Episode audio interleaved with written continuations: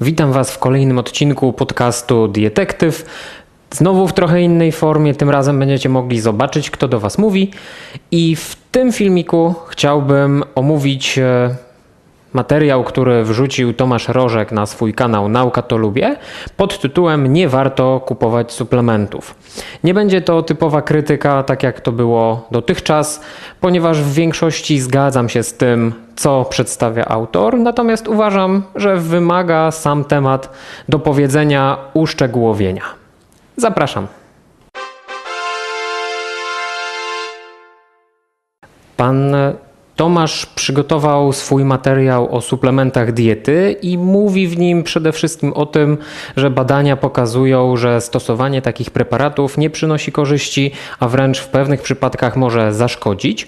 Ja w swoim nagraniu chciałbym podejść do suplementów troszeczkę szerzej, nie tylko do suplementów jako suplementów, ale także weźmiemy tutaj pod uwagę takie, które są zarejestrowane jako produkt leczniczy. Tym materiale autor na wstępie mówi o badaniu, gdzie naukowcy wprost e, wysnuli tezę, że suplementy jest to strata pieniędzy. Tutaj warto podkreślić, że przede wszystkim chodzi o preparaty multivitaminowe, multimineralne, a nie o pojedyncze suplementy. Tylko takie preparaty były badane. Kawałek dalej przedstawione jest kolejne badanie, gdzie suplementy wręcz szkodziły i takie badania faktycznie istnieją, jest ich dość sporo. Naukowcy, a także specjaliści mają tego świadomość. Po przedstawieniu badań autor mówi, że to wcale nie znaczy, że witaminy są nieistotne. E, wręcz podkreśla, że dieta powinna być dobrze zbilansowana, bogate w te witaminy.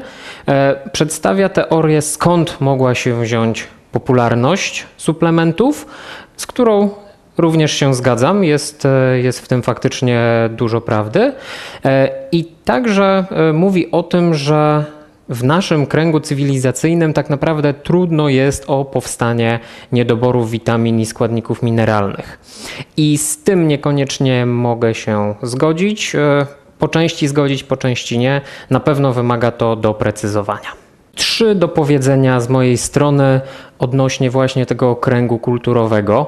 E, wpływa na to w pewnym stopniu geografia, także musimy powiedzieć przede wszystkim o tym, że w naszym położeniu geograficznym nietobory witaminy D3 są bardzo powszechne i jest zalecenie e, suplementacji dla całego społeczeństwa.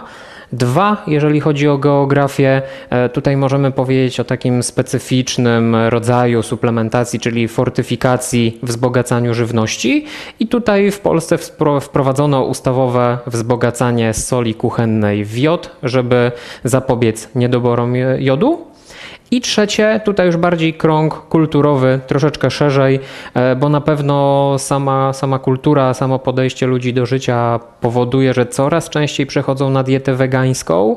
I tutaj mamy e, zbadane to, że pojawiają się niedobory wapnia, niedobory witaminy B12, cynku, witaminy D3 i tutaj też wskazana jest suplementacja. Także krąg cywilizacyjny, kulturowy, geograficzny, no jednak wpływa na to, że pewne niedobory mogą się pojawić.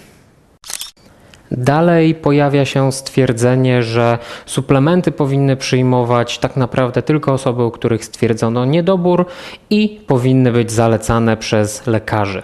Ok, zacznę od końca, bo nie do końca będę się zgadzał, że mogą suplementy przepisywać tylko lekarze. Myślę, że dietetycy kliniczni, którzy też sporo lat spędzają na studiach, e, na wydziałach medycznych, na uczelniach medycznych, również mają odpowiednią wiedzę, żeby takie suplementy zalecać.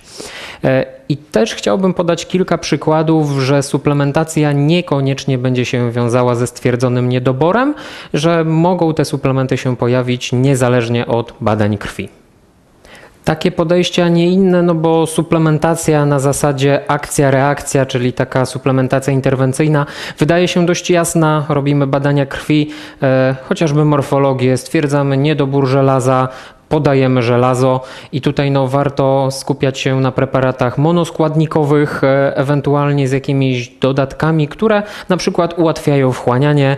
Dla tego przykładu z żelazem będzie to witamina C. Takie suplementy można sobie spokojnie do diety włączać.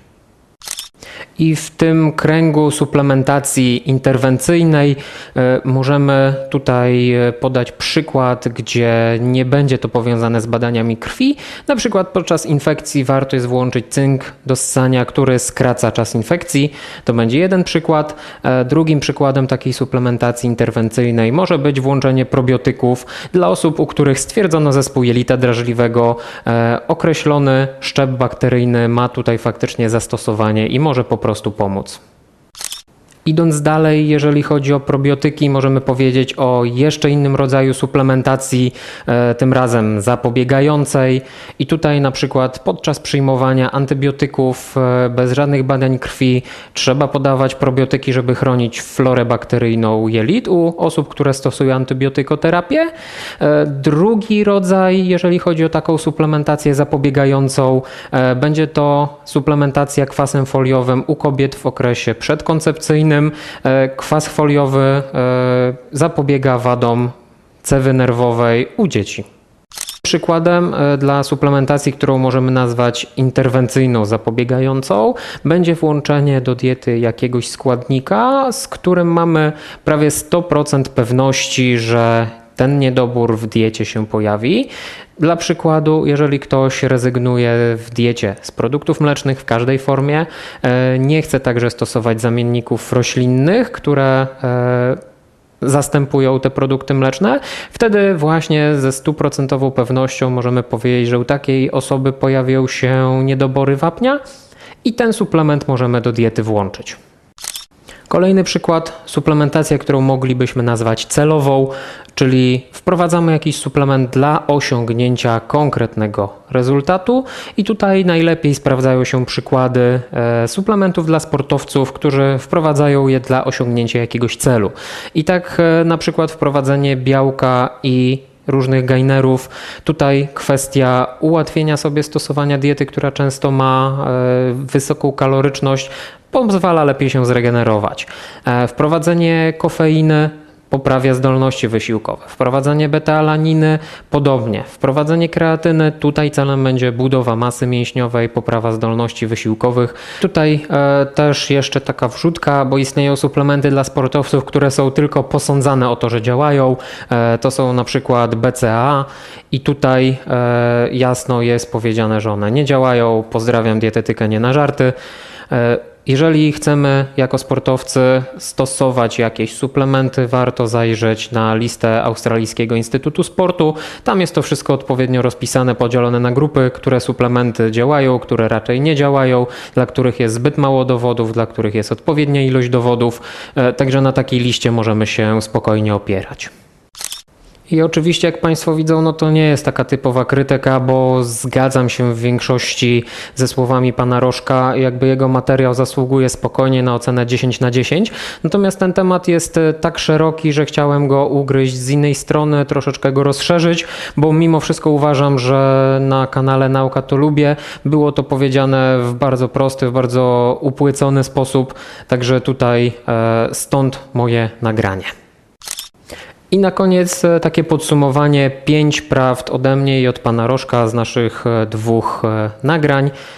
Pierwsza prawda, suplementy multivitaminowe, multimineralne rzadko kiedy działają, a mogą nawet szkodzić. Sam rynek suplementów jest bardzo rozwinięty, przynosi duże zyski, dlatego jest to wszystko tak bardzo reklamowane. Ale trzy, stosowanie suplementów na wszelki wypadek nie ma żadnego sensu, nie przyniesie to żadnych korzyści.